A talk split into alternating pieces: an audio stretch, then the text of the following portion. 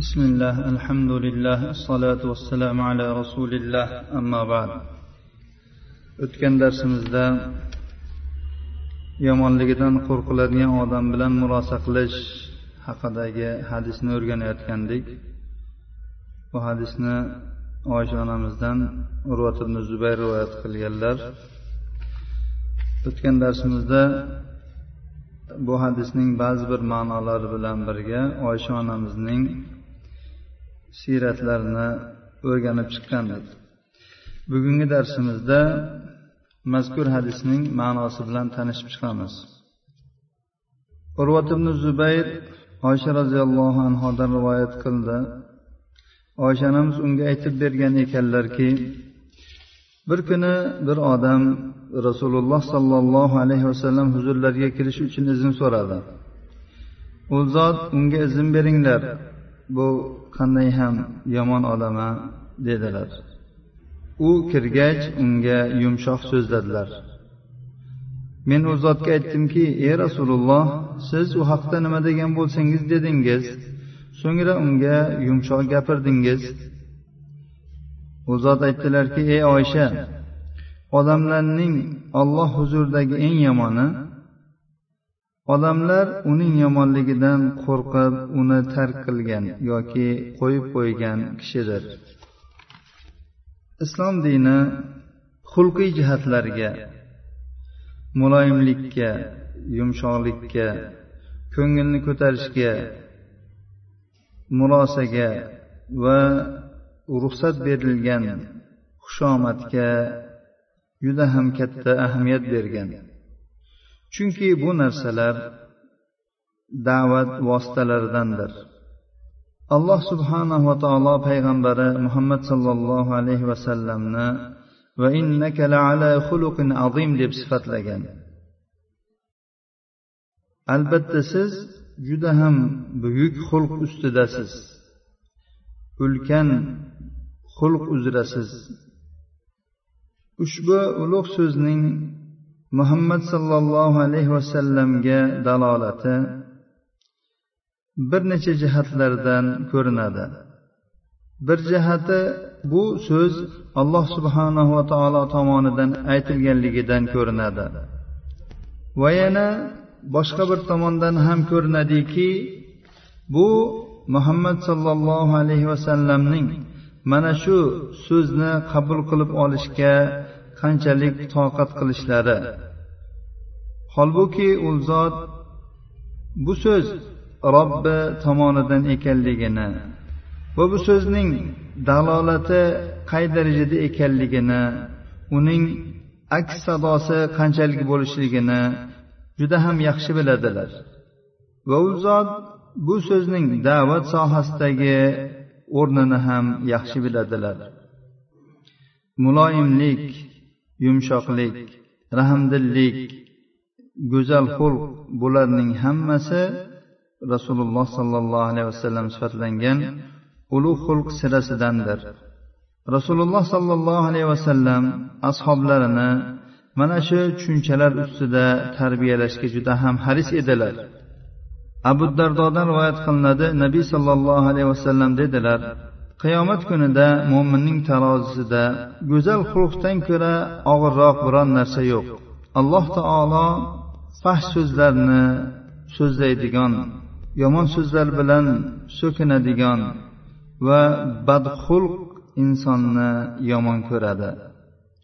Al fahishul badi dedilar. Al fahish yomon fahshga dalolat qiluvchi so'zlar bilan birovlarni so'kuvchi. Badi bo'lsa badxulq shu so'zlarni so'zlash bilan birga xulq ham yomon.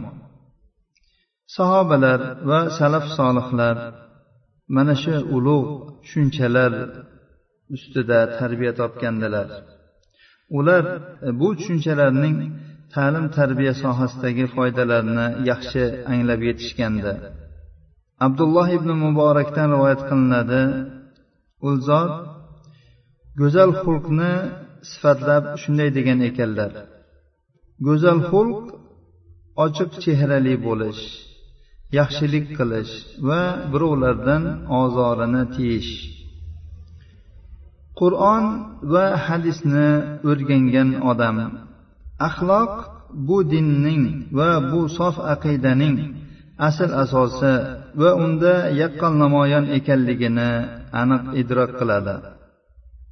Bu dinning xususiyatlaridan eng ko'zga ko'ringani poklikka tozalikka to'g'ri so'zlikka adolat rahmdillik yaxshilik ahdda turish kabi xulqlarga chaqirish va javr zulm aldov ko'zbo'yamachilik odamlarni da'vatdan nafratlantiradigan butun razil axloqlardan qaytarishdir. Shuning uchun ham goh o'rinlarda mulosa qilish va xushomad qilish joiz bo'lsa gohi o'rinlarda bularni qilish lozim bo'lgan. Bu narsaga biz hozir o'rganayotgan hadisimizda guvoh bo'ldik.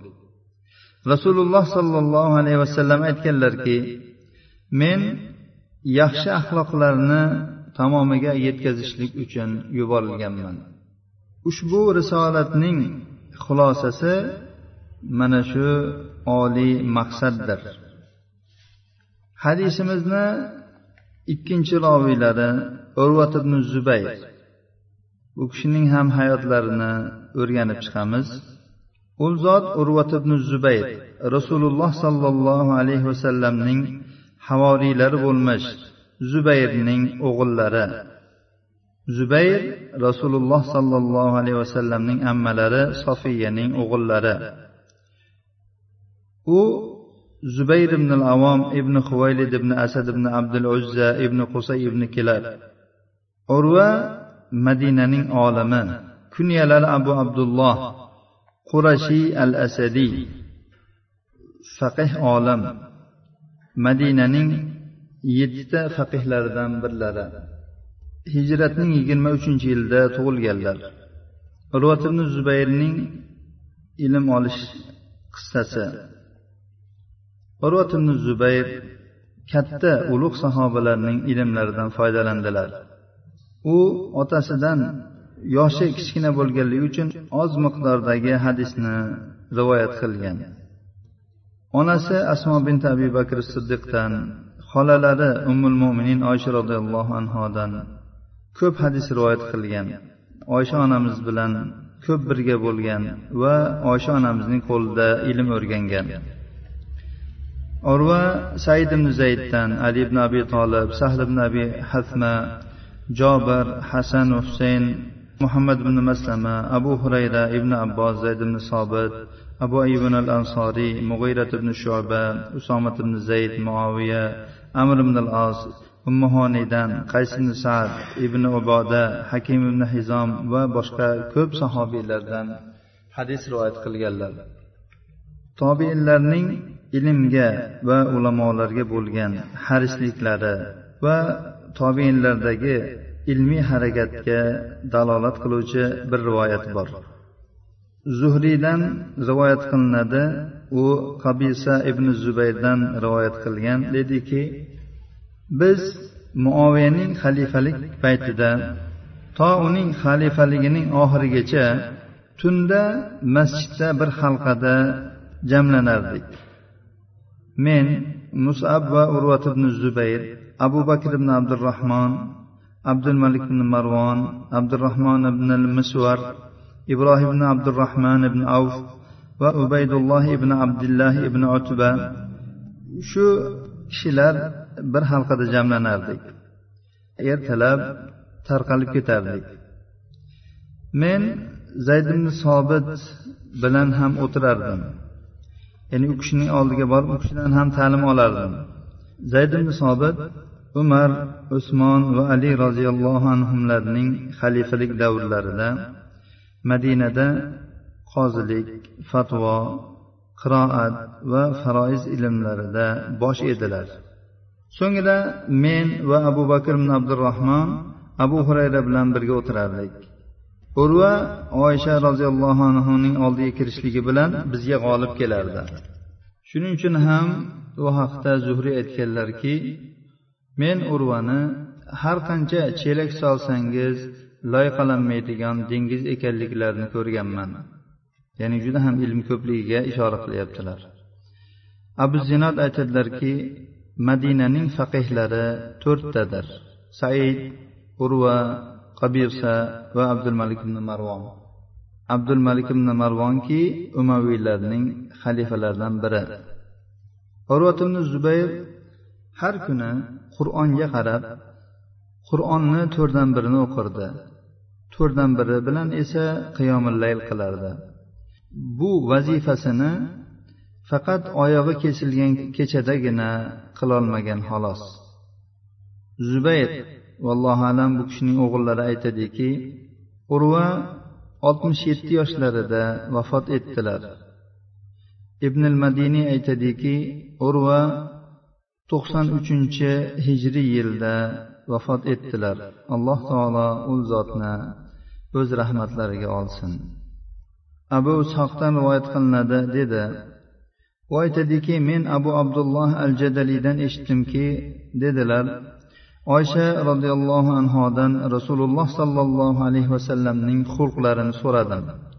Aytdilarki u zot fahsh so'zlarni so'zlovchi bo'lmaganlar fahsh ishni qiluvchi ham bo'lmaganlar bozorlarda baqirib chaqirib ham yurmaganlar.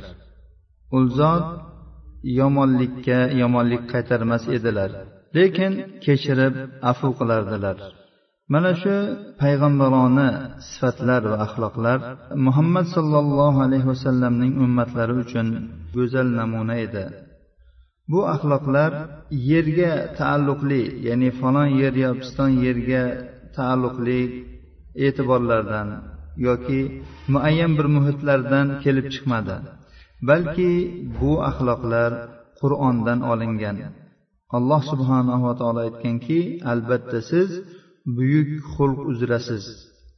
Insoniyat mana shu axloqlarni toqatlari yetganicha ro'yobga chiqarsinlar. Toki shu bilan ular alloh taoloning taqdirlashiga va ularni yer yuzida xalifa qilishiga loyiq bo'lsinlar. Bundan tashqari bu axloqlar quruq fazilatlargina emas. Ya'ni masalan to'g'ri so'zlik omonat rahmdillik yaxshilik yumshoqlik yo'q xuluq bu narsalar emas. Balki bu axloqlar keng ko'lamli tarbiyani o'zida mujassam qilgan puxta bir manhaj yo'ldir. Ushbu islomiy axloqlar rasululloh sollallohu alayhi vasallamning hayotlari va muomalalarida to'la suratda va to'la go'zalligida gavdalandi namoyon bo'ldi. Biz o'rganayotgan hadis ham mana shu axloqlarning bir namunasidir. Shu yerda darsimizni to'xtatib turamiz hadisimizning davomini kelgusi darsda o'rganamiz inshaalloh. هذا وصلى الله على نبينا محمد وعلى آله وصحبه وسلم.